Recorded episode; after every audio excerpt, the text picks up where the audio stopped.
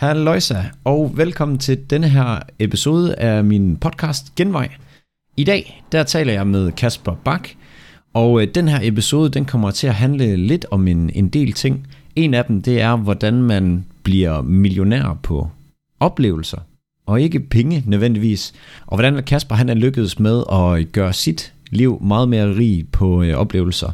Udover det, så kommer vi også til at tale noget omkring, hvordan at øh, rekrutteringsprocessen, virksomheder og nye kandidater imellem, den kan optimeres, og hvordan man som kandidat får øh, meget bedre at byde på krogen i forhold til at komme til nogle fede samtaler hos de fede virksomheder. Så det var meget kort opsummeret. Jeg synes, du skal give det et lyt. Det var en super snak, vi havde. Så øh, rigtig god lytter til dig.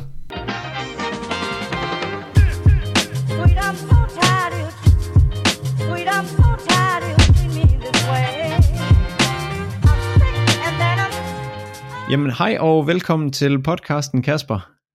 Tusind tak, Mads. Tak fordi jeg måtte øh, komme. Jamen, jeg er jo glad for, at, øh, at du vil være med her.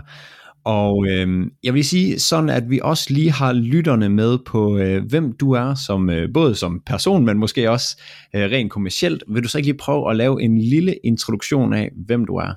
Jo, jeg skal prøve at gøre det, jeg skal prøve at gøre det kort. Hvad hedder det? Jeg hedder Kasper Bak, øhm, og øh, jeg driver i, øh, på nuværende tidspunkt øh, min egen lille øh, forretning, hvor jeg øh, tilbyder jobsøgningsrådgivning til, øh, til nyuddannede akademikere. Øhm, og øh, det er jo en ting, det er jo, hvad skal man sige, det rent arbejdsmæssige. Rent privat, så, øh, så er jeg en far til, til to fantastiske børn, øh, på henholdsvis fem og den søn, han er halvanden. Øhm, og så øh, har jeg en fantastisk kone, og øh, bor i Roskilde, og øh, bruger egentlig øh, rigtig meget af min tid sammen med netop min, øh, min familie. Øh, det er jeg i hvert fald kommet til her efter, øh, hvad hedder det, jeg er sprunget ud som selvstændig. Det kan måske lyde som lidt øh, paradoxalt, men, øh, men det har i hvert fald været en af mine, mine helt store ambitioner i forhold til det her med at gå selvstændig. Det er netop at få noget mere tid sammen med øh, min fantastiske familie. Øhm, så ja, stort familiemenneske, det er nok også en af de ting, som, øh, som vil betegne mig. Den deler vi, den der med stort familiemenneske. Ja. Men Kasper, du siger jo, det lyder lidt, øh, lidt paradoxalt i forhold til, at man bliver selvstændig, fordi man gerne vil have mere tid. Ja. Vil du ikke bare lige prøve at sætte et par enkelte ord på det? Jo, altså det tror jeg hænger for mig i hvert fald sammen med, at hvis man kigger på den sådan klassiske øh, selvstændige person, jamen så er det øh, i min bog i hvert fald nogen, som ja, arbejder solen sort og, øh, og ønsker af gode grunde selvfølgelig at skabe en kæmpe succes med deres virksomhed, øh, lave en masse penge og vokse deres, øh, deres virksomhed øh, helt generelt. Mm-hmm. Øhm, faktum er bare for, for mit vedkommende, der har det aldrig været ambitionen. Øh, nærmere tværtimod. Jeg øh, har egentlig startet min virksomhed for netop at kunne give mig noget, noget rum, noget tid til at, øh, at være sammen med min familie på en anden måde, end, øh, end jeg har oplevet de sidste ja, 15 år af min, øh, min karriere. Nu er mine børn jo ikke 15 år, men, men, men jeg har i hvert fald brugt rigtig meget tid på mit, øh, mit job øh, tidligere. Og, Ja. og det øh, har jeg egentlig haft et ønske om at gøre en lille smule op med, og, øh, og gøre noget andet. Bruge noget mere tid sammen med, øh, med dem. Så øh, for at opnå det, øh, så har jeg så været, valgt at tage det her spring ud som, øh, som selvstændig nu her. Ja. Og nu, jeg kender godt til, til det her med at, øh, at arbejde solen sort, og øh, som ja. Du siger, nogle gange forsømme nogle andre ting. Øh, mm-hmm. Nu Mhm. kan jeg da sige, at lige her for nylig, der var der Northside, der sad jeg og Ja. arbejdede. Det var lidt ærgerligt. men, men det er jo nogle af de der ting, som, øh, som ligesom hører Ja. sig med. Men vil du ikke lige, altså sådan, har du så sat dig nogle mål inden, eller hvad skal man sige, nogle øh, værdipunkter, eller et eller andet, inden at du så startede som selvstændig, så man ikke ender i den der boldgade, eller hvordan har din tilgang været? Ja, det har, det har jeg. Altså først og fremmest så har min tilgang jo egentlig været, at øh, den her forretning er ikke startet op, fordi jeg skal være millionær i morgen, eller for den sags skyld om tre år. Jeg skal Mm. være millionær på gode oplevelser med, min, øh, med mine børn og min familie, øh, mens de er, de er små. Så det jeg egentlig har sat mig som, som målsætning for, for virksomheden, det er først og fremmest, at vi selvfølgelig kan få økonomien til at løbe rundt herhjemme. Øh, nu har jeg heldigvis en, øh, en kone, som, øh, som er i en, øh, en fast stilling på nuværende tidspunkt og arbejder. og det hjælper selvfølgelig noget af vejen, men der skal jo også lidt ekstra til, udover bare det. Øh, og det er jo så det, jeg håber, jeg kan hive ind via øh, af den her forretning, som jeg nu har startet op. Så målsætningen i forhold til, til omsætning er øh, sat på et niveau, der gør, at vi egentlig bare i anførselstegn kan få, få tingene til at løbe rundt. Mm. Så det er sådan den ene øh, ting, og den ene målsætning. Og den anden målsætning, det er så noget omkring mit tidsforbrug på den her forretning. Øhm, og øh, jeg har en drøm om, øh, at, at øh, det bliver en, øh, en 30 timers øh, arbejdsuge. Øhm, ja. Det vil sige, at jeg starter ud klokken 9 om morgenen, øh, og inden da har jeg så måske også endda lige kunne lave bare en lille smule motion. Øhm, men, men derfra så egentlig arbejde igennem indtil klokken 3, hvor at øh, mine kære børn jo så skal hentes fra øh, deres institutioner. Øhm, og det er så mig, der har den chance. Så jeg har også fået sådan en, øh, en naturlig bagkant på, øh, på arbejdet, at, øh, at de der børn, de skal hentes øh, som udgangspunkt af, af mig. Og så kan det da godt være, og specielt jo her i opstarten, at, øh, at, at den tid godt kan, kan skride en lille smule, og jeg også skal bruge måske nogle timer om, øh, om aftenen. Men øh, og det gør jeg egentlig også gerne, øh, fordi jeg mm. også synes, det er skide sjovt, det jeg laver. Øh, men, men det er i hvert fald sådan øh, rammerne og målsætningerne, som jeg har sat op for mig selv. Altså at få en omsætning, der kan få tingene til at løbe rundt, og hvis vi kan det, så er jeg glad, og så er vi glade. Og to, øh, en arbejdsuge på omkring en, øh, en 30 timer om, øh, om ugen. Jeg synes, det du siger med at være millionær på gode oplevelser, det er ja. et fedt, fedt, fedt parametre at arbejde ud fra og, og så lige sætte sig, hvad skal man sige, både sin øh, arbejdsuge, mængden og en minimum omsætning. Det, det mhm. virker som om, at det er ret gode, øh, hvad skal man sige, vilkår at arbejde ud fra. Det synes jeg, øh, det er ret inspirerende, at du har mm. tænkt det den vej. Ja. I forhold til det her med at være rig på oplevelser og så videre, jamen så siger du her, at du har haft 15 år, hvor der også er, er givet gas, vil du ikke lige prøve at, sådan, at forklare, hvordan filen er du endt her i dag, hvor at du hjælper øh, for eksempel med at, at parre de, dimittenter med øh, virksomheder, der står og mangler ja. nyt talent. Hvordan, hvordan er du endt her? Ja, det er et godt spørgsmål. Det er et godt spørgsmål, Mads. Memory lane. Ja, hvordan fanden er jeg endt, hvor jeg er endt? Jamen, min, altså min, min, min rejse sådan fra et, hvad skal man sige, rent corporate perspektiv, den starter jo faktisk for en en 15 år siden, øh, hvor jeg, øh, jeg faktisk står med to jobmuligheder som, øh, som studentermedarbejder. Øh, jeg var på mit øh, andet år af min, øh, min bachelorstudier på, øh, på CBS, hvor jeg læste øh, International Business, og fik muligheden for at øh, få en ansættelse enten hos øh, Lundbæk, tror jeg det var, eller hos, øh, hos IBM. Mm. Øhm, og øh, jeg valgte på det tidspunkt at, øh, at signe med, med IBM øh, og komme ind hos dem som, øh, som studentermedarbejder.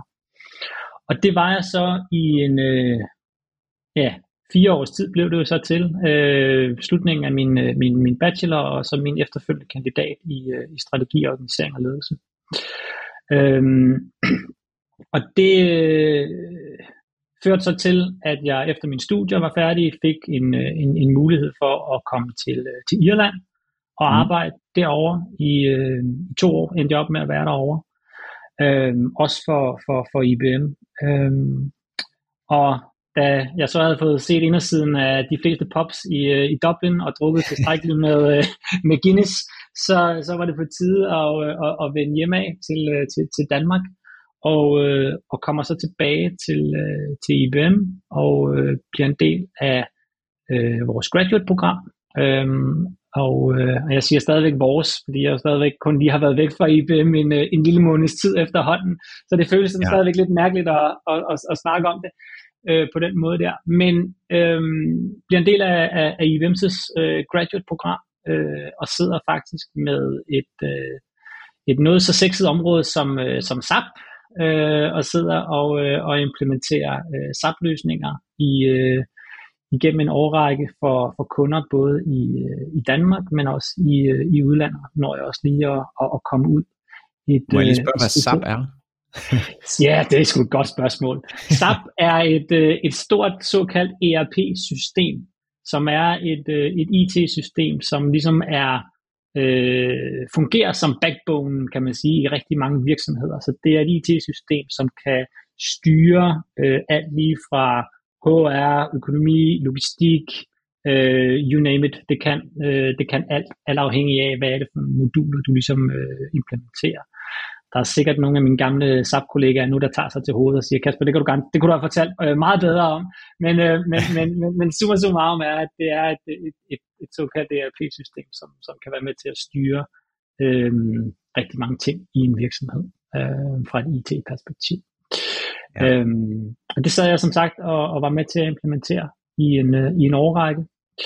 Øhm, indtil jeg sidder på, øh, på bagsædet af en, øh, af en taxa øh, fra øh, en kundelokation og så over til, øh, til lufthavnen over i, øh, i London og, øh, og får et opkald fra min daværende chef, chef må det så have været, øh, der spørger, om, øh, om jeg har lyst til at være med til noget spændende. Og øh, jeg er jo sådan lidt øh, i anførselstegn tøvende og siger, hvad, hvad fanden er det? Øh, jamen, det, det, kunne han ikke, øh, det kunne han ikke lige fortælle mig, men om jeg havde lyst til at være med. Øhm, og, øh, og indrømmet en smule tøvende, så, så siger jeg dog alligevel ja, det, det, det kunne jeg nok godt.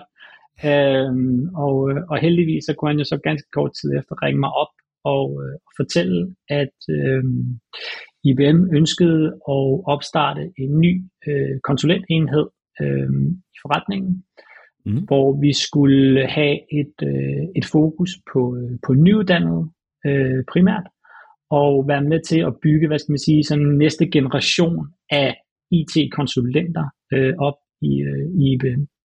Ja. Og øh, det startede vi så på for nu seks år siden, må det jo så være. Tiden flyver. Øh, og det var helt i, på, på et plan om, at vi skulle du vil bygge en business case for overhovedet at få lov til at starte det her center op. Det skal siges, at der er sådan nogle centre her, øh, rundt omkring i, øh, i Europa, men, men nu skulle vi så også have etableret et i, øh, i Danmark. Og øh, det skulle først øh, igennem en, en frygtelig lang godkendelsesmølle. Øh, jeg skal nok lade med at kede lytterne med nu her.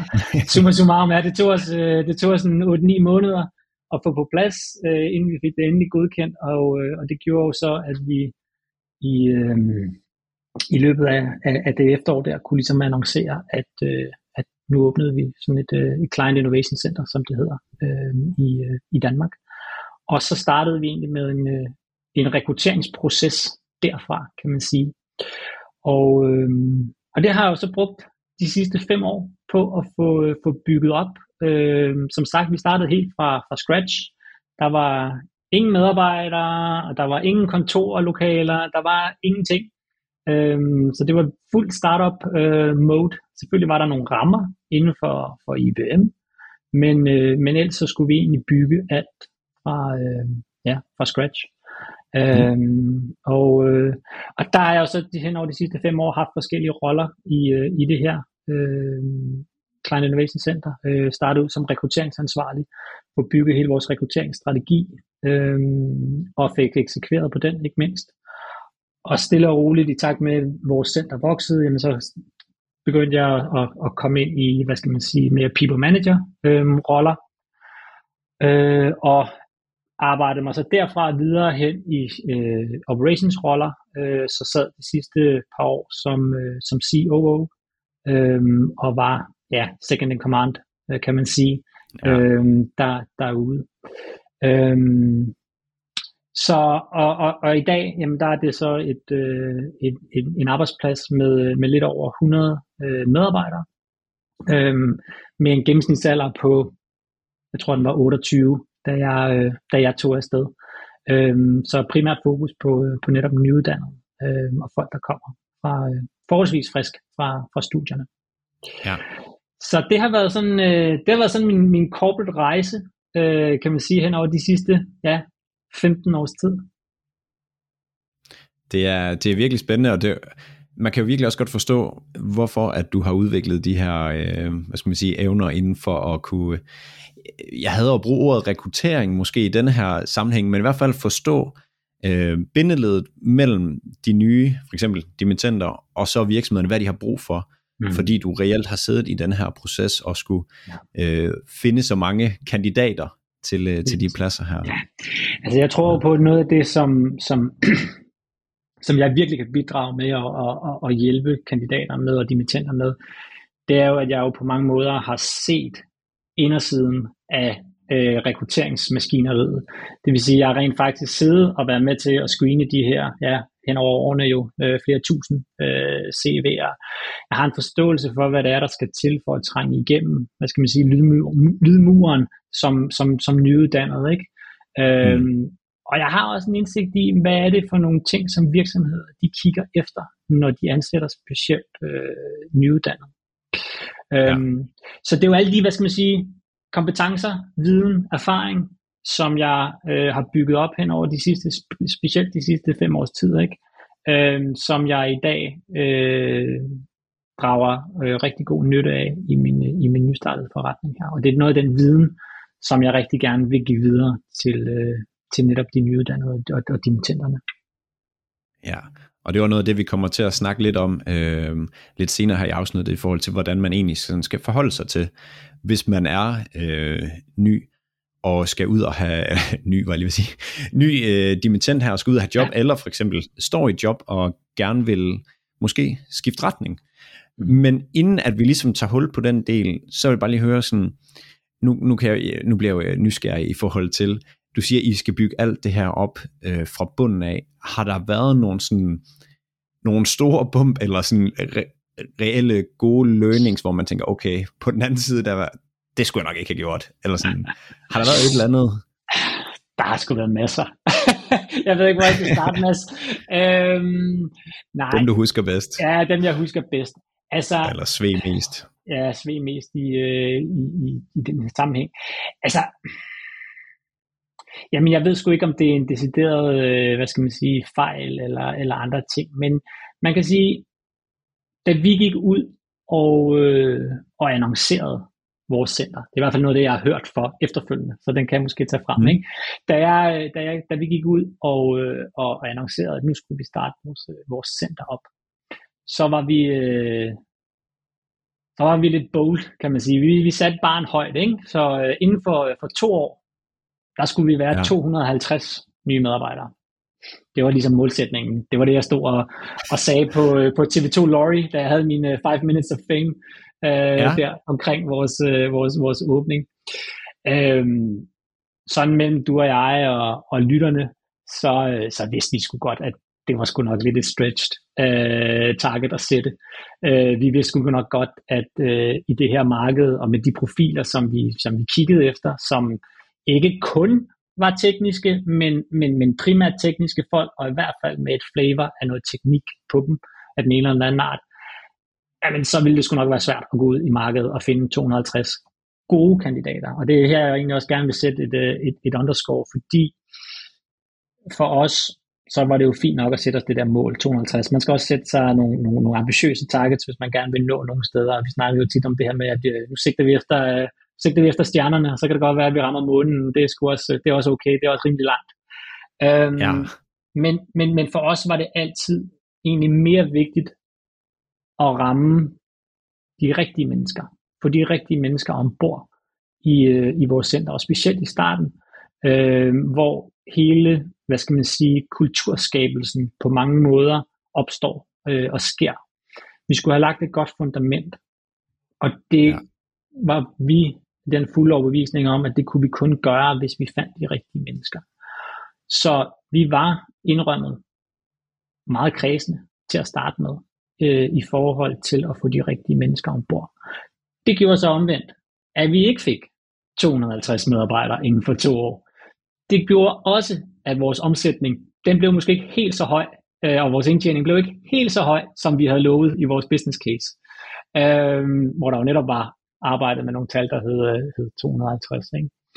Så det gjorde jo også, at vi jo modtog, øh, og nu siger jeg vi, det var egentlig primært vores, øh, vores, vores direktør øh, i centret, der modtog øh, nogle, nogle, nogle gevaldige bank rundt omkring fra øh, organisationen, fordi der blev ikke rigtig leveret.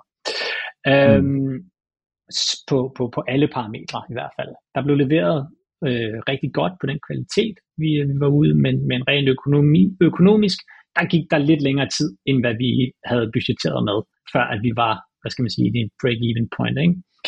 Ja. Øhm, så, øhm, og det jeg jo gerne vil frem til med, med, med den fortælling, det er, at for os, så satte vi os nogle ambitiøse targets, og vi vidste jo godt, at de ville være, være, være svære. Men omvendt, øh, så ville vi heller ikke gå på kompromis med kvaliteten.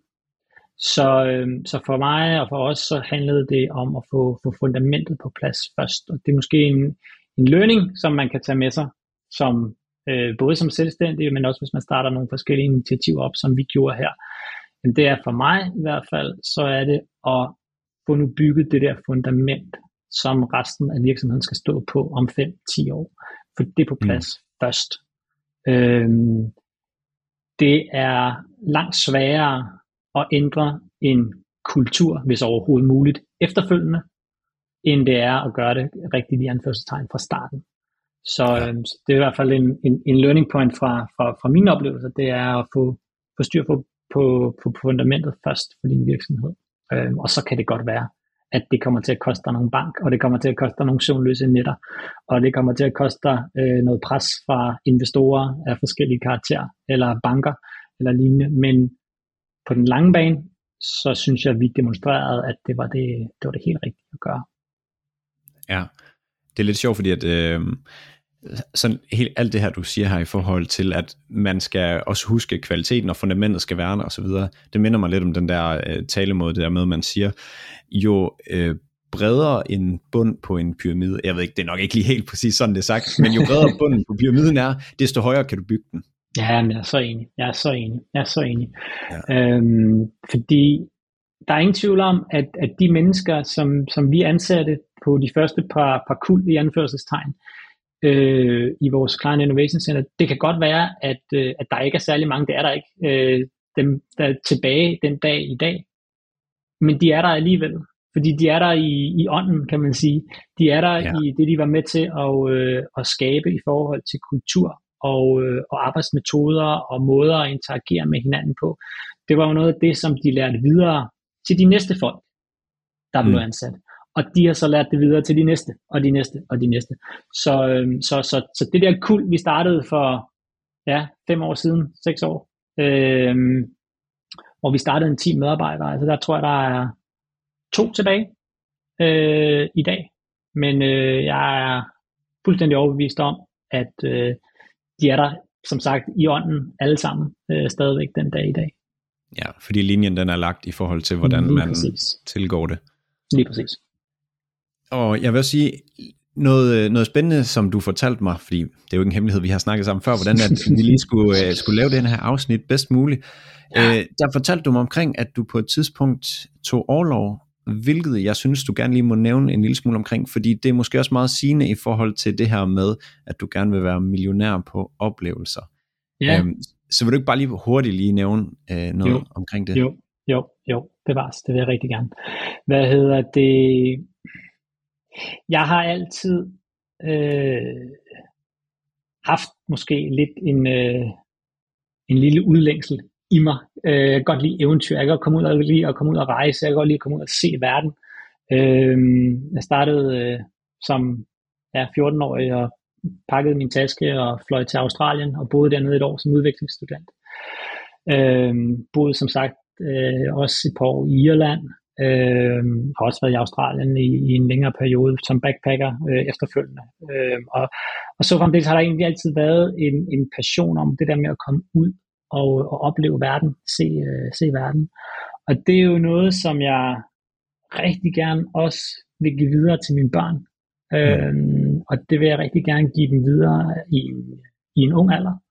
Øh, at, øh, at de ligesom har en indsigt i, at øh, verden den er sgu større end, øh, ja nu bor vi i Roskilde, men, men så, så at verden er større end Roskilde, og, og ikke mindst også Danmark. Giv dem nogle indtryk, giv dem nogle inputs, der gør, at, øh, at de også ser øh, på en anden måde øh, på, på verden, end, end bare lige ud fra deres egen lille navle. Mm. Øhm, og, øh, og det gjorde jo, at, øh, at vi jo har gået og luret sådan på, hvornår og hvordan kan vi stru- strukturere det sådan, så vi kan komme afsted. øh, med, mens vores børn de er, de er små. Og, øh, og den første mulighed, der bød sig, jamen det var i, øh, i forbindelse med, at min, øh, min søn jo skulle øh, have fornøjelsen af sin far på, på barsel. Øh, der er jeg så privilegeret, at jeg er en virksomhed, som, som tilbyder en, en god mængde barsel, eller var i en virksomhed, som, øh, som, som tilbyder en god mængde barsel. Øh, og derfor så tog vi i maj måned sidste år øh, afsted, øh, pakkede øh, bilen. Vi havde måske håbet på og troet på, at vi måske kunne komme lidt længere ud i den store verden, øh, men øh, der var jo lige det der, der hed corona, der gjorde det lidt kompliceret at rejse sidste år. Øh, ja. så, så, så, så det blev i anførselstegn kun til, øh, til Spanien, øh, men vi pakkede simpelthen bilen, og så kørte vi fra Roskilde, og så kørte vi ned igennem Europa med, øh, med to børn på, på bagsædet på øh, henholdsvis øh, fire år, og ja, Benjamin, min søn, han var seks måneder, da vi, øh, da vi tog afsted. Og så øh, lå vi altså turet rundt øh, i Spanien, kørte ned igennem Portugal også øh, i, øh, i seks måneder. Og øh, ja, som sagt, altså udspringer lidt af et ønske om at gerne kunne, kunne tænke os at, at, at vise vores børn øh, verden. Øh, og, og så var muligheden der så som sagt, for at kunne tage noget, øh, noget overlov i forbindelse med en, øh, med en barsel, og så forlængede mm. jeg det så også lidt med, øh, med lidt personlig overlov. Ikke? Ja. Hvor lang tid var det, I var afsted? Vi var afsted i seks måneder, øh, 6 måneder. alt i alt, ja. Øhm, og var jo bare, ja, den mest fantastiske oplevelse, altså øh, som, som familie, at øh, kunne trække stikket fuldstændig fra, fra hamsterhjulet og øh, lukke ned for alt, hvad der hedder arbejdscomputer og arbejdstelefoner, og, øh, og så egentlig bare være sammen øh, i, øh, i seks måneder. Det var, det var fantastisk. Det skal også siges, øh, det var også hårdt en gang imellem, ikke? Ja. Øh, man, er også, man er også på full time. Øh, der er ikke noget med, at man bare lige kan sende øh, børnene ned til øh, bedsteforældrene eller ned i institutionen, når man lige kan få lov til at i anførselstegn trække vejret.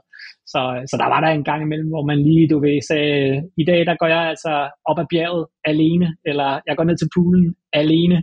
øhm, så, så, ja. så, så, så, selvfølgelig var der det, men, men, men alt i alt, så var det jo fantastisk at få lov til at, at bruge så meget tid sammen som, øh, som familie, få en masse gode oplevelser sammen, øh, og ikke mindst se øh, min, min søn der gå fra ja, en lille baby, når man tager afsted på 6 måneder, der stort set ingenting kan. Nej, det er ikke helt, men ikke meget kan i hvert fald. Og så kommer man hjem øh, 6 måneder senere med en, øh, en knæk, der både kan gå og pludre og ja, er jo et helt andet menneske, end, mm. øh, end, end da vi tog afsted. Det var jo fantastisk at få lov til at opleve på, på så tæt hold, og så intensivt, kan man sige, som, som vi gjorde det i de der seks måneder. Ja. Jeg vil med, jeg vil med den, at øh, I bare tager afsted. Det er, det er fantastisk, og jeg, jeg håber og tror virkelig også, eller det, hvad skal man sige, samfundet er jo ved at gå i den retning, at man prioriterer det her mere, ja. og det ja. her gamle paradigme med, at man, man skulle arbejde solen sort, og øh, der er jo kun karriere i livet, og hvis, øh, hvis man vil frem, så, øh, så måtte børn, familie, venner og så videre, det måtte nedprioriteres. Mm. Jamen, ja det er vi heldigvis som samfund ved at gøre en lille smule op med. Ja, absolut. Og jeg tror egentlig også, at vi kommer til at se det her meget mere fremadrettet. Altså, øh, nu kan man sige, jeg stikker måske en lille smule ud, uden jeg skal igen blive for navlbeskuende her, men, men jeg stikker måske lidt ud i nogle af de beslutninger, jeg har taget. Øh, men samtidig så tror jeg faktisk, at de bliver mere og mere normale, øh, jo længere øh, frem i tiden vi kommer. Jeg tror, at vi kommer til at se et arbejdsmarked og et arbejdsliv, som er langt mere faseopdelt. Altså at man har nogle faser i sit liv, hvor man måske før børn, jamen der knokler man måske øh, solen sort, øh, for så i anførselstegn at trække stikket. Øh, og men det så er en seks måneders periode, som jeg gjorde, eller man går ned på deltid, øh, eller man strukturerer sit liv som selvstændig, øh, som jeg har gjort nu her i en periode af mit liv. Øh, jeg tror, at det bliver meget, meget mere normalt og, øh, og, og, og se de der forskellige konstellationer i forhold til ens arbejdsliv, og netop se det langt mere faseopdelt, end, øh, end vores forældres generation gjorde jo, som jo nærmest startede et sted, ikke? og så var de der, indtil de skulle øh, på pension, og så, øh, så var det ligesom det, ikke? Øh, der tror jeg, at vi kommer ind i en, i en helt anden virkelighed og en helt anden verden øh, fremadrettet. Øhm, så, så, så, og, og dermed jo så også sagt, at nu i den her fase af mit liv, mens mine børn er den alder, hvor de er nu, jamen der giver det god mening for mig at, at springe ud i det her liv som, som selvstændig og forhåbentlig få øh, enderne til at mødes på, øh, på den front. Men det er jo ikke dermed sagt, at jeg skal være selvstændig resten af mit liv. Øhm, når nu øh, mine kære børn på et eller andet tidspunkt bliver så gamle, så de bliver trætte af at være sammen med deres far eller mor, eller ikke gider at være det mere, jamen, jamen så har jeg jo lige pludselig en mængde tid, som jeg kan bruge på et eller andet. Og hvad ja. det et eller andet skal være, jamen det kan da sagtens være, at jeg vil tilbage i anførselstegn til the corporate world og være med til at bygge et nyt Client Innovation Center op, eller gøre noget andet øh, af, af en eller anden art. Who knows? Øh, jeg tror bare, det er vigtigt det der med, at man øh, har for øje, at, at så har jeg det i hvert fald personligt, at, at, at det der med arbejde, det behøver ikke at være en statisk ting. Det kan man skrue op og ned for, som det nu lige passer i, øh, i ens liv og i ens øh, sammenhæng. Jeg synes, det er godt syn på det. Ja, og jeg, jeg tror også, ja, men det, igen, det bygger jo bare meget på, hvad man, man ser tendenser, men det virker som om, at vi kommer til at have et arbejdsmarked, som kommer til, altså, hvor der er meget rotation, mm. øh, og hvor man måske, som du siger, ikke bliver i 35 år det samme sted, men måske er det nok med 4-5 år, og så ja. skal man prøve noget nyt. Ja. Det kunne vi kloge i en hel dag. Det her. Men, ja, der er sikkert nogen, der er langt klogere omkring det her, end du er. Fuldstændig. Helt sikkert. Og derfor så dykker vi ned i noget, som du ved ekstremt meget om, ja. og det er i forhold til både din virksomhed, men også det, din virksomhed laver. Og ja. først og fremmest, så vil jeg gerne lige prøve at høre dig ad, hvorfor føler du, at din virksomhed har sin berettelse her i verden? Ja, altså, hvis jeg, hvis jeg bare i anførselstegn skal kigge på nogle kedelige tal, jeg er jo også en gammel operationsmand, ikke? Så jeg kan jo godt lide at kigge på nogle tal. Og nogle, ja, ja, lige præcis. Ikke? Så hvis vi bare kigger på nogle tal, så indrømmet, jeg har ikke de allermest opdaterede tal på lige præcis den her procent. Men inden for de sidste, hvad har det været, 20 eller 21, der har jeg i hvert fald set statistikker, der viser, at 20% af alle akademikere er arbejdsløse efter 6 måneder. Det kan være, at vi lige skal fact-check den bagefter, Mads. Ja. Øhm, ja, men, øh, men, men, det må men, folk vide med en fejnmarken. Lige præcis. Ikke? Og det er jo altså til trods for, at vi er i, øh, i, på et arbejdsmarked, som har en historisk lav arbejdsløshedsprocent. 20 procent er stadigvæk arbejdsløse efter 6 måneder. Ja. Så det fortæller mig jo, at der er nogle øh, akademikere derude, som ikke er i stand til at trænge igennem ude hos, øh, hos virksomheder. Så det er, det er, hvad skal man sige, de kedelige facts, havde han sagt, i forhold til berettigelsen af min, øh, ja. af min virksomhed. Øhm, det andet, som jeg jo ser, det er jo så også, at blandt de her arbejdsløse, øh, nyuddannede akademikere, der er en ekstrem høj øh, mistrivsel rent psykisk. Det er ekstremt hårdt at sidde og være nyuddannet og have et ønske om at komme ind og gøre en forskel. Jeg tror alle sammen, vi kan huske tilbage på den gang, hvor vi stod med det der eksamensbevis i hånden, og nu skulle vi kraftedende, undskyld mit sprog, bare ud og redde verden og gøre en forskel og bruge det der, øh, den der viden, som vi nu har opbygget hen over de sidste fem år. Den skulle vi bare ud og sparke bagdel med ude mm. på, øh, på arbejdsmarkedet. Og det var der jo heldigvis, mig selv inklusiv, rigtig mange, der, øh, der gør. Altså 80% er i arbejde efter 6 måneder. Det er jo også positivt. Men der står altså også bare i anførselstegn en restmængde, som er forholdsvis stor, som ikke trænger igennem, som ikke kommer derud. Og det skaber en kæmpe øh, mistrivsel, rent psykisk. Det er et kæmpe pres at være under. Øh, og skulle sidde til øh, Moster Odas' øh, 40 eller 80 års fødselsdag, øh, og skulle fortælle sidemanden, at man er jobsøgende. Ja. Øhm, og, øh, og man skal igennem øh, job, øh, hvad hedder det, centrenes møller og, og så videre. Det, det er ikke noget, der er særlig positivt for, for den psykiske trivsel. Så hvis jeg samtidig med, at jeg selvfølgelig kan lave en forretning, der løber rundt, kan hjælpe nogle mennesker med at øhm, trænge ind på det arbejdsmarked, sådan så de kan få det bedre med sig selv, men selvfølgelig også skabe noget værdi for, øh, for samfundet og for virksomheder, så synes jeg, at jeg er, er kommet rigtig, rigtig langt, og, og det er netop derfor, jeg synes, at, at min virksomhed har sin, øh, sin berettigelse. Ja, og det er egentlig lidt vildt med de her 20 procent. Det var jeg ikke klar over. Nu går vi ud fra det, er, det er fakt lige nu. Yes. ja. Men hvor, hvorfor tror du, at der, der står 20 procent på den side, og ikke... Øh, og måske lige inden, at jeg siger det der, så vil jeg lige sige, at jeg har også oplevet på, på nærmeste hold, både venner og bekendte, som har gået i lang tid, og som altså endt i kulkælderen nærmest med jeg vil ikke sige men, mentale udfordringer, men, men det har taget meget hårdt, altså mm. psykisk på, på nogen, og jo længere man kommer væk fra den her, hvad skal man sige, det her job, jo længere man føler, man kommer væk fra det her job, desto sværere bliver det. Altså sådan, mm.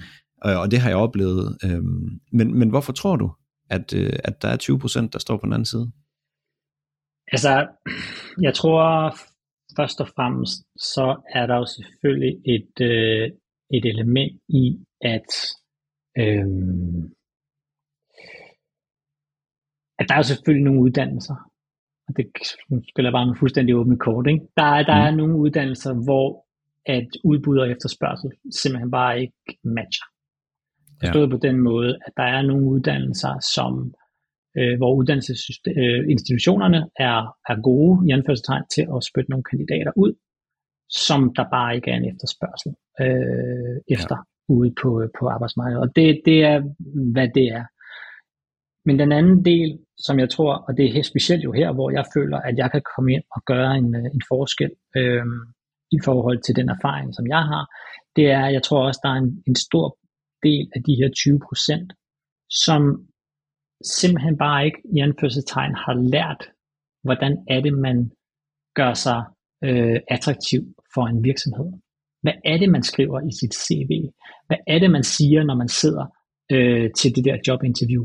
Hvordan er det, man lige bruger det der øh, famøse øh, værktøj, der hedder LinkedIn, til at mm. få skaffet sig et, øh, et netværk, der gør, at man bliver synlig? Øhm, og, og også, at, at mange nyuddannede simpelthen ikke har et netværk, der gør, at de bliver eksponeret de rigtige steder. Øhm, så jeg tror, det er det er det, det, det, det, det, det område der, hvor jeg i hvert fald føler, at jeg kan være med til at gøre en forskel. Det er på at få optimeret øh, det materiale, øh, som en, øh, en, en, en, en, en dimittent har, for at sælge sig selv på en, øh, på en, på en bedre måde. Og når så det er på plads, så få det eksponeret og spredt ud på en, øh, på en god måde. Ja. Står, øh, står virksomhederne også med en, en del af ansvaret her? Det gør de. Øh, jeg tror, det er en fælles, et fælles ansvar, det her. Øh, og jeg tror, det, det, det skal forstås på den måde, at øh, som virksomhed, der skal man også ture. Man skal også ture og ansætte en nyuddannet.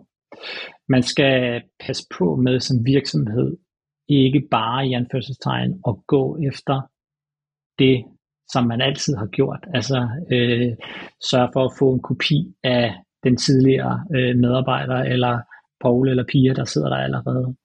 Men, men ture springe lidt ud i og ansætte en, øh, en nyuddannet, som ikke nødvendigvis ligner alle andre, som ikke nødvendigvis har fem års erfaring med det her område. Til gengæld, så vil man så få en medarbejder, som har al den nyeste viden fra, øh, fra den akademiske verden, har et, øh, et brændende ønske om at komme ud og gøre en forskel, har en evne til, specielt jo i de her tider, at se nogle, øh, nogle muligheder, som en, en, øh, en ældre medarbejder måske ikke vil se i forhold til muligheder for digitalisering af forskellige løsninger osv. Øhm, og så synes jeg også, det har været min erfaring, at hvis vi lige skal snakke ind i, hvad en virksomhed får, får, får ud af og, øh, at ansætte nyuddannede, så er det også så er det også min klare erfaring, at sætter du netop en nyuddannet, eller to måske endda, sammen med en gruppe af mere erfarne folk. Altså man får skabt en diversitet i øh, baggrund, kompetencer, alder, så kan der virkelig ske i anførselstegn noget magi. Altså man kan virkelig komme op med nogle løsninger og nogle tanker, som jeg ikke tror på, man ville kunne have opnået, øh, hvis man bare i anførselstegn havde, havde blevet i, øh, i de vante rammer. Mm. Så jo, tilbage til de spørgsmål. Virksomhederne, de har også et medansvar i, øh, i den her sammenhæng, fordi de skal ture springe ud i og ansætte en, øh, en, en nyuddannet. Men jeg vil samtidig sige, for mig, så nytter det ikke noget, at man som øh, jobsøgende, øh, hvad skal man sige, begynder at trække de store kanoner frem og begynder at skyde mod virksomhederne, øh, fordi i sidste ende, så er det dig som jobsøgende, der skal gøre dig tilstrækkeligt attraktiv for aftageren af dine kompetencer, altså virksomhederne i, øh, i, i den her sammenhæng. Øhm, så jeg, jeg vil stadigvæk sige, at, at det er det, det er primært over hos den jobsøgende, at, øh, at ansvaret ligger her, men, men, men, men, men virksomhederne har jo selvfølgelig også en, en aktie i, øh, i det her. Ja, ja fordi ja, ja. Men når man er i det her miljø med, øh, med unge mennesker, nu ved jeg ikke, hvad, hvad vi betegner som unge mennesker, nu siger jeg unge mennesker, lad os sige det under 30. Yes. Altså, når, man, når man er det, ah, vi siger under 35, lige for mangfoldighedens skyld. Ja, jeg, jeg, jeg falder ikke under nogen af dem, Mads. Så Okay, det, det, jamen, det troede jeg lige. Det kan Ja, du så ja, tage med. Nej, men, men i forhold til det her miljø, altså så der, der bliver også gjort lidt grin med, øhm, med virksomheder, der vil have øh, unge, friske mennesker med øh, 10 års erfaring. Eller sådan, så jeg kan, altså, og det hjælper jo ikke, som, som sagt, øh, at man går med den tilgang, men det er lidt sådan sigende, at det er sådan en stående det, det er jo- joke. Ja, og det er jo desværre også lidt det, jeg har sådan, altså, og, og det er måske også en af mine sådan underliggende missioner i forhold til mit, mit, øh, min virksomhed, det er, at jeg ser også lidt nogle gange, at der bliver gravet nogle grøfter. Altså der ja. bliver gravet nogle grøfter i forhold til virksomheder, og så nyuddannede, og for den sags skyld også seniorer, hvis man skal kigge op i den anden ende af, af, af skalaen. Ikke? Mm. at, at, at, at man ligesom får startet en eller anden form for ja, mudderkastning imod hinanden. Det er også bare fordi, at øh, virksomheder ikke vil, øh, vil, vil, vil, vil ansætte os, der er øh, nyuddannet, eller for den sags skyld 50 plus, øh, fordi de ikke øh, tør tage nogen chancer. Og, og det jeg bare vil advokere for, det er, vi, vi, vi, vi vinder ikke noget. Vi vinder ikke noget på den der mudderkastning. Vi skal mødes. Øh, vi skal ansætte, altså virksomhederne skal ansætte dig som, som nyuddannet eller som 50 plusser. Så nytter det ikke noget at stå på den anden side af, af hegnet og kaste sten øh, mod hinanden. Og, og likewise, så skal virksomhederne jo selvfølgelig også, hvad skal man sige, åbne deres døre op, og ikke bare øh, bede om, øh, om 10 års øh, erfaring, og så vil de jo også gerne have dem som nyuddannede, ikke? Fordi Ja. ja. så, kan de, så kan de ansætte dem til nogle billigere penge i anførselstegn, ikke? Altså, øh, og, og jeg har jo også set de der diverse øh, jobopslag, øh, hvor man efterspørger, jo, det er jo så specielt inden for, for de tekniske områder, ikke? Hvor man efterspørger folk, der har x antal års øh, erfaring med en eller anden teknologi, og så øh, ham, der har skabt den, han laver så en eller anden kommentar, ja, det er meget fint, men jeg opfandt den først for fem år siden, ikke? og de vil have 10 års erfaring med, med den her pågældende teknologi. Ja. altså, jeg har også set dem, og jeg anerkender også, at de er derude, og virksomheder skal også blive bedre, men, men, men for mig at se, så må der aldrig blive den der mudderkastning konkurrence imod hinanden, fordi det er der ikke nogen, der er tjent ved. Øh, Nej. og det er også noget af det, jeg håber som sagt, at jeg kan være med til at bidrage til, at vi på en eller anden måde kan få øh, åbnet nogle døre op og mødes, øh, fordi jeg netop har erfaringen både fra virksomhedsperspektivet, fordi jeg har siddet på virksomhedssiden, og nu mm. sidder jeg også på nuværende tidspunkt jo så over på den anden side af, af hegnet, hvor jeg sidder med, med de nyuddannede. Ikke? Så, øh, så hvis jeg kan få de der to ender til at mødes på en, på en bedre måde, end, end, end jeg oplever, at de gør indimellem i hvert fald, så, så synes jeg også, at jeg er kommet rigtig godt i mål. Ja, og vi kan jo et eller andet sted allerede tage det første spadestik i forhold til det, fordi hvis vi tager kandidatens øh, side her, øhm, ja. Ja. som er noget, vi reelt kan gøre noget ved, altså sådan mm. som, som menig mand, der ansøger, hvordan gør man, altså hvordan er tilgangen til at gøre sig selv så attraktiv som muligt? Har du nogle øh, basic fifs, som, øh, ja. Som vi også lige kan give videre? Ja, altså typisk, så når du øh, laver en ansøgningspakke som nyuddannet, så består den af tre hovedelementer. Den består af dit CV, den består af en ansøgning, altså en skriftlig ansøgning. I hvert fald i de fleste tilfælde, der er i anførselstegn heldigvis, men det er en anden snak. Øh, flere og flere virksomheder, som har valgt at pakke den der ansøgning væk, øh, og ikke længere bede om den. Og så vil det være et spørgsmål om at vedhæfte dit øh, eksamensbevis. Så de der tre elementer, det er sådan de hoved i, hvad ved jeg, 90% af, af tilfælde, som du, som du som nyuddannet vil sende afsted til en virksomhed, når du søger.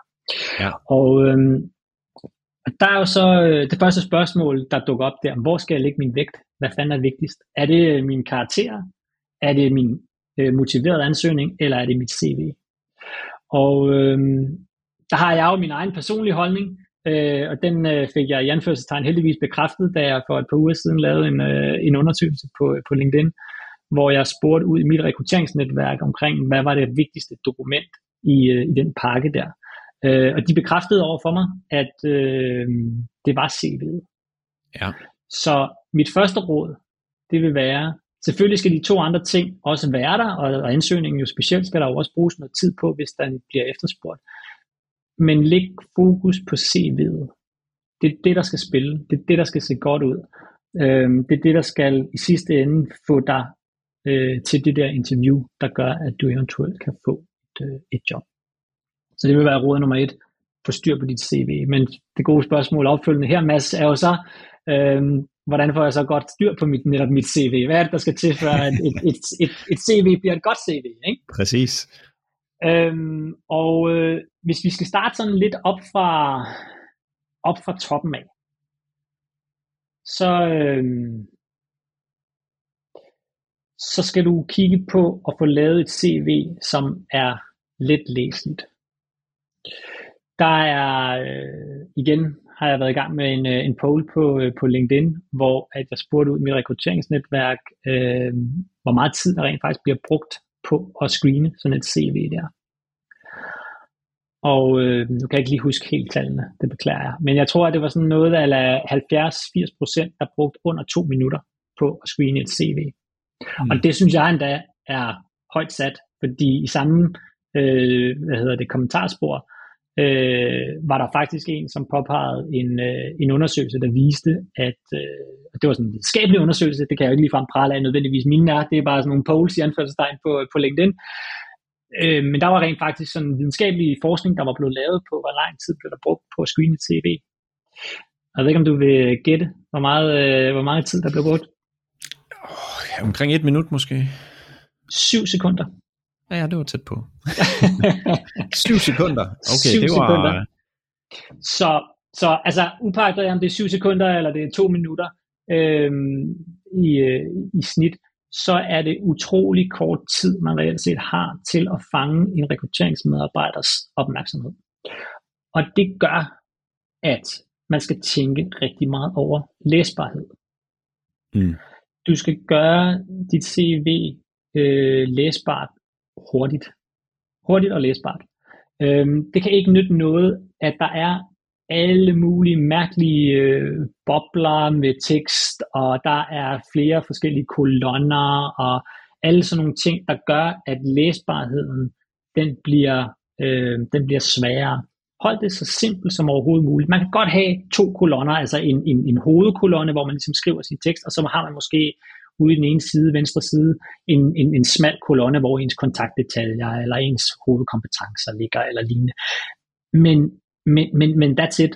Øh, pas på med at gå øh, fuldstændig vanvittig amok med et eller andet lækkert design, man finder på et template, man finder på nettet eller Canva, eller hvor man ellers kan finde øh, nogle af de her forskellige templates, der, der ligger.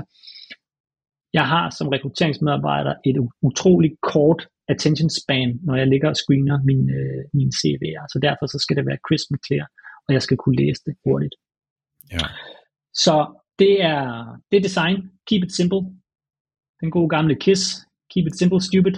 Mm. Øh, princip. Øh, den, øh, den vinder i min bog. 100%. Ja. Så er der den sidste ting, jeg vil sige omkring øh, CV'et, fordi det er jo så indholdet. Altså, hvad er det, der skal være inde i det? Og øh, den klassiske fejl, som jeg ser folk begå, det er, at de egentlig bare i anførselstegn laver en listning af, hvad har de lavet.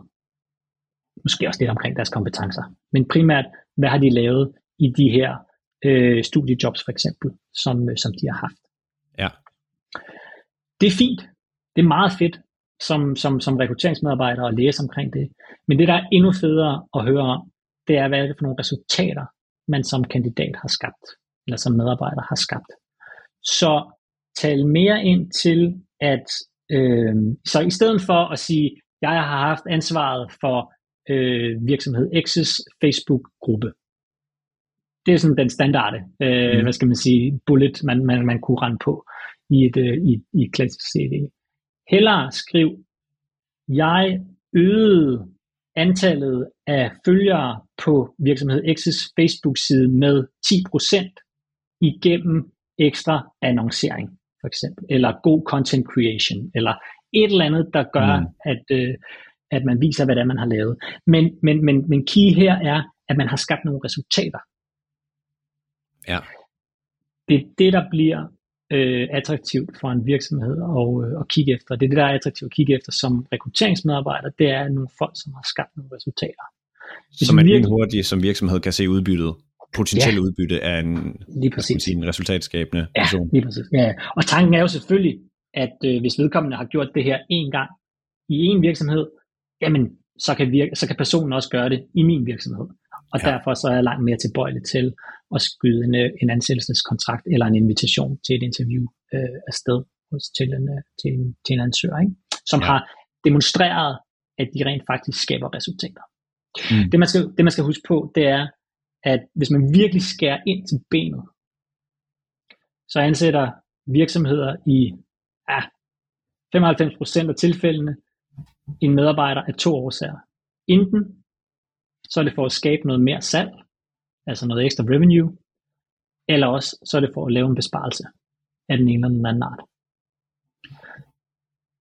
That's it. Som, så- that's it. Det er så Ja. simpelt. Det er så simpelt.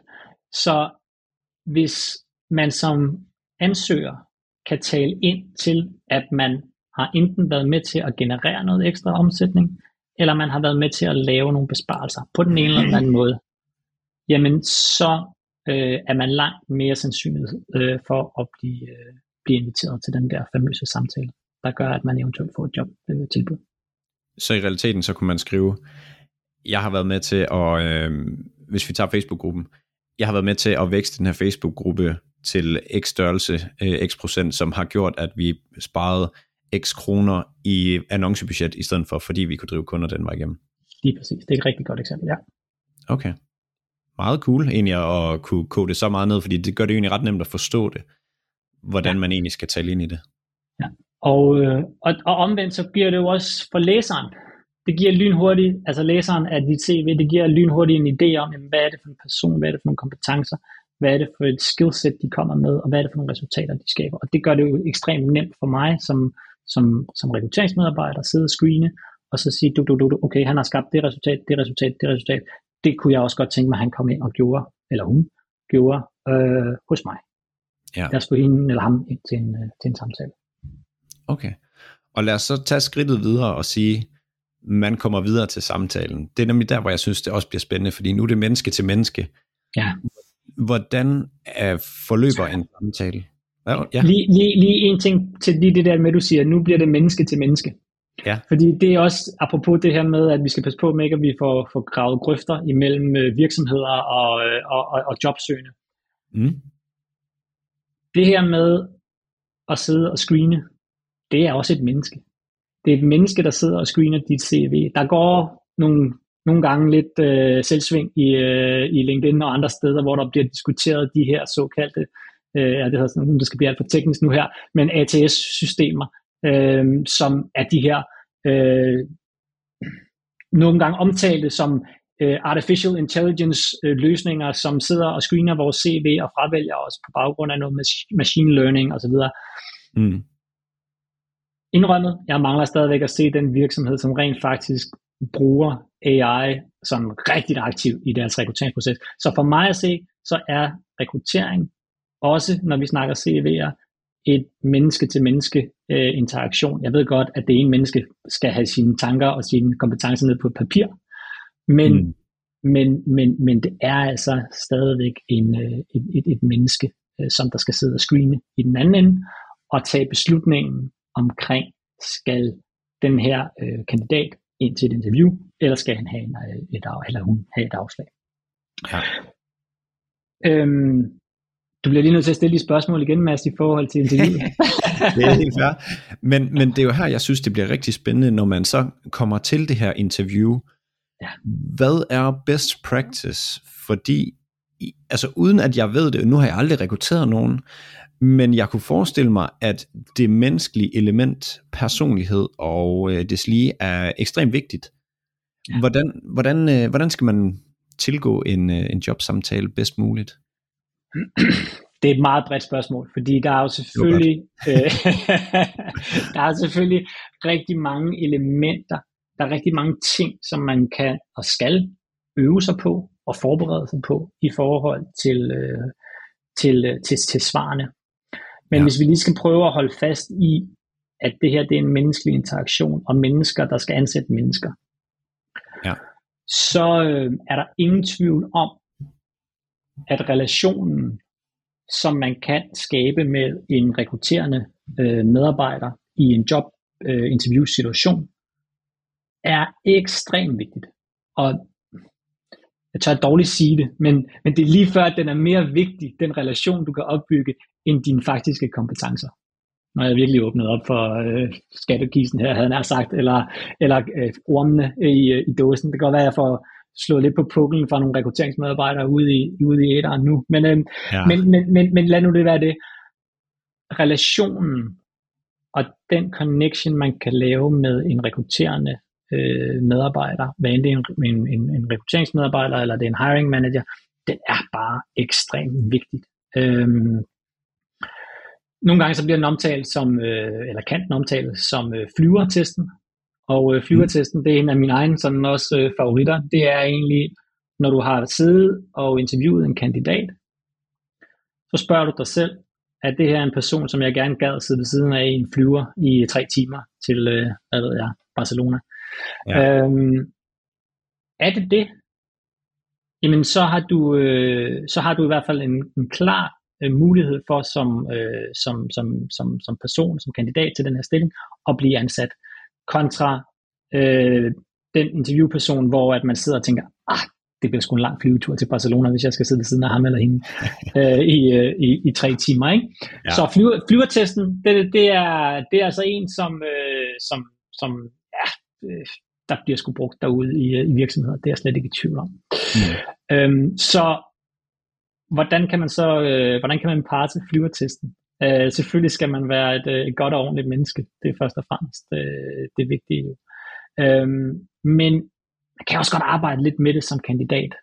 Man kan også godt lige sikre sig, at man går ind på LinkedIn, Facebook eller lignende, og lige stalker en lille smule på nogle af de kandidater, nogle af de øh, personer, som man skal blive interviewet af. Prøv lige at undersøge, om I måske har nogle, øh, nogle fælles touchpoint på den ene eller den anden måde. Det der er et konkret eksempel fra en kandidat, som jeg har hjulpet for nyligt. Øhm, hvad hedder det? Hendes mand var fra, eller er fra Bornholm, Mm. og øh, hun havde øh, været på LinkedIn og, øh, spottet, at øh, vedkommende, som hun skulle øh, interviews af, jamen hun havde gået på, øh, var det noget handelsskole eller gymnasie, øh, på Bornholm. Og øh, det bringer hende, øh, kandidaten, som jeg har hjulpet, det bringer hun jo selvfølgelig lidt op til, øh, ikke direkte til samtalen, men da de går fra receptionen til øh, interviewlokalet, tror jeg det var, at hun ligesom fik bragt det op, at øh, "Hov, jeg Ja. kunne da jo se, at du øh, har noget relation til, øh, til Bornholm. Der er min mand også. Vi har lige været på ferie derovre. Og lige pludselig, så får du skabt noget kemi, du får skabt noget tilhørsforhold, du får skabt en relation, som hjælper dig. Det er ikke den, der kommer til at give dig jobbet. Det tror jeg ikke på. Men der er ingen tvivl om, at det kommer til at hjælpe dig på vej. Når du får skabt den der menneskelige relation imellem den person, der skal interviewe dig, og dig selv som, øh, som interviewkandidat. Mm. Så øh, hvis man er lidt øh, hvis man er lidt snedig og en god stalker, så, øh, så kan det være, at, øh, at man lidt nemmere kan, øh, kan overbevise en, øh, en, en, en arbejdsgiver om, at, øh, at der er altså en, en ansættelsesmulighed her, eller en potentiel kandidat, som, som jeg gerne vil, øh, vil ansætte. Men i bund og grund så være øh, glade, smilende, engageret, øh, finde nogle personlige øh, touchpoints, hvor man har mulighed for at connect på andet end, hej, jeg er til jobsamtale. Ja, lige præcis, lige præcis. Og så, når det så er sagt, så er der jo selvfølgelig også alle de her faglige øh, parametre, som man jo selvfølgelig også bliver testet på i, øh, i et jobinterview. Ikke? Man skal ja. jo sikre sig, at man kan stå inden for øh, ens faglige kompetencer, man kan redegøre for dem, øh, man kan øh, redegøre for de resultater, man har fortalt omkring i sit CV, øh, og så fremdeles. Ikke? Det skal jo selvfølgelig være der, øh, og det skal man jo selvfølgelig også have et, et stort fokus på. Nu skal det ikke bare lyde som om, at hvis bare man du ved, kan, kan, kan, er en god nok stalker, så skal man nok få sig et job, fordi det, sådan, sådan fungerer det jo heller ikke. Men, men der er ingen tvivl om, det der personlige element og det der personlige touch, det kan bestemt være med til at, øh, at, at, at tippe vægtskålen i ens, i ens retning. Ja, og jeg, jeg har lige et, et, øh, et sidste spørgsmål her, jeg tænker, som kan være ret relevant. Fordi, hvordan håndterer man sådan imposter-syndrom, eller det her med, at man tænker, kan jeg, kan jeg ikke varetage den her stilling? Jeg gad godt, og jeg har måske kompetencerne, men jeg har jo ikke, og så kan man selv udfylde. Øhm, hvordan, hvad er tilgangen til det, sådan Ja. fra din side? Ja. Øhm, først og fremmest så tror jeg, at man skal prøve for så vidt muligt at parkere den. Øhm, fordi jeg tror ikke, man kommer, jeg tror ikke, den er, den er, man er ikke tjent med den i jobsøgningssituationen.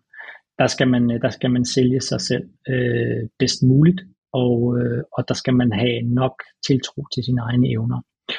Og øh, nu øh, efterfølgende, Mads, der sender jeg dig et link til en, øh, en af mine all-time favorite øh, TED øh, talks, øh, som jeg håber, du mm. kan, kan vedhæfte i, øh, i, show notesene, øh, som, taler, som taler ind i, øh, i to ting. Den ene ting, det er fake it till you make it. Øh, Mm. og, øh, og, og, og den kvindelige taler, jeg har desværre glemt hendes navn, øh, taler egentlig ind i, at det kan godt være, at man ikke kan alt fra dag et. Men så sætter man sig ned, og så lærer man det. Og det er jo netop det, som nyuddannede er ekstremt gode til. De er gode til at tilrane sig ny viden, lære nye ting. Øhm, så ja, det kan sgu godt være, at du kun kan 75% af dit job. Det ved en arbejdsgiver nok også godt, hvis man virkelig trykker dem på maven. Men de sidste 25%, dem skal du sgu nok lære. Øhm, Ja. og, den, og den anden del, som der også bliver snakket om i den her video, som jeg sender dig et link til, det er, øh, det er hvordan man kan trigge hjernen til øh, at øh, være mere, hvad skal man sige, udadgående og få bygget noget mere testosteron op i, øh, i hjernebakken øh, via det, der hedder power poses. Så man skal simpelthen stå, Mm. øh, inden du øh, skal ind til et jobinterview, så står du lige, øh, går du lige ud på toilettet, og så står du lige præcis med hænderne over hovedet, og så får du lige lov til at stå der i et, øh, et par minutter. Og, øh, og det simple trick, det gør rent faktisk, at der bliver skabt noget kemi op i ens hjerne, der gør, at man er mere tilbøjelig til at tage risikoer, man er mere tilbøjelig til at tale om sig selv i en øh, positiv tone osv. osv., osv. Og øh, den her video, den, øh, den, den, den fortæller om det på, øh, på en exceptionelt god måde, og hun er en skide god taler. Så, øh, så den får øh, du lige et link til, og så kan du dele den i, yes. i Yes. show notes. Perfekt, Kasper. Så er der også lige lidt, hvis man vil øh, gå endnu dybere i kaninhullet i forhold til Yes. øh, yes, at forbedre sine, øh, sine muligheder. Jeg vil lige sige her til en afrunding, Kasper. Hvis man nu er interesseret i, altså man, det her det lyder rigtig spændende, og man vil egentlig gerne vide mere omkring dig. Nu, nu nævnte du lige LinkedIn, men hvor, hvor er det bedste sted at følge med i det, du går og laver? Ja, jamen det er LinkedIn. Altså som udgangspunkt, så, øh, så har jeg min øh, LinkedIn-profil, øh, og den kan man finde, hvis man fremsøger Kasper Bak, og det er Kasper med K, og så B-A-C-H, øh, det er mit efternavn. Øhm, og der øh, på min profil, der øh, opdaterer jeg løbende omkring øh, jobsøgningstips, råd, vejledning, øh, og så fremdeles, øh, hvor jeg er, er meget aktiv. Så det er, hvis man gerne vil sådan vide lidt mere omkring, øh, hvad der skal til for at lande et, øh, et job. Hvis man så vil gå steppet videre, og rent faktisk øh, engagere med mig, kan man sige, og, øh, og rent faktisk øh, starte op med, øh, med, med nogle af de forløb, som, øh, som jeg har, og tilbyder, øh, så kan man for det første læse lidt om den på min, øh, min LinkedIn-side, men jeg har selvfølgelig også en hjemmeside, som hedder øh, 3W, og så hedder den kasper-bak.dk. Øhm, og, og der kan man læse, hvad skal man sige, om mit fulde, øh, hvad skal man sige, tilbud øh, til, øh, og, og mit fulde forløb til, øh, til, til nyuddannede. Øhm, ja. Men helt overordnet set, så er det et, et, et forløb, hvor at jeg tager, tager folk ind i, øh, i, i nogle jobsøgningsrådgivningsforløb, hvor vi tager en-til-en coaching i forhold til det at søge job, og så øh, hjælper jeg også kandidater med at blive eksponeret i, øh, i forhold til virksomheder rundt omkring i, øh, i Danmark. Ja, og jeg vil sige, jeg har været inde på, på hjemmesiden, og øh, mega god video, god til at, øh, altså, den er virkelig forklarende i forhold til, øh, hvad du tilbyder, og hvordan det, det foregår, så hvis man synes, det er interessant, så hop derind, og så ligger der en video på forsiden, øh, som er værd at se, bestemt. Og øh, Kasper, jeg vil bare sige kæmpe mange gange tak, fordi at øh, du vil være med her i dag, også lige at gøre både mig og lytterne lidt klogere på det her, og dele ud af din, øh, din fede historie. Det er jeg glad for. Det var så lidt, Mads. Tak fordi jeg måtte øh, være med. Øh, jeg glæder mig til at, at høre resultatet. ja, det bliver spændende. Det er altid spændende. ja, lige præcis. Det var alt for den her podcast. Jeg håber, at du har fået en masse værdi.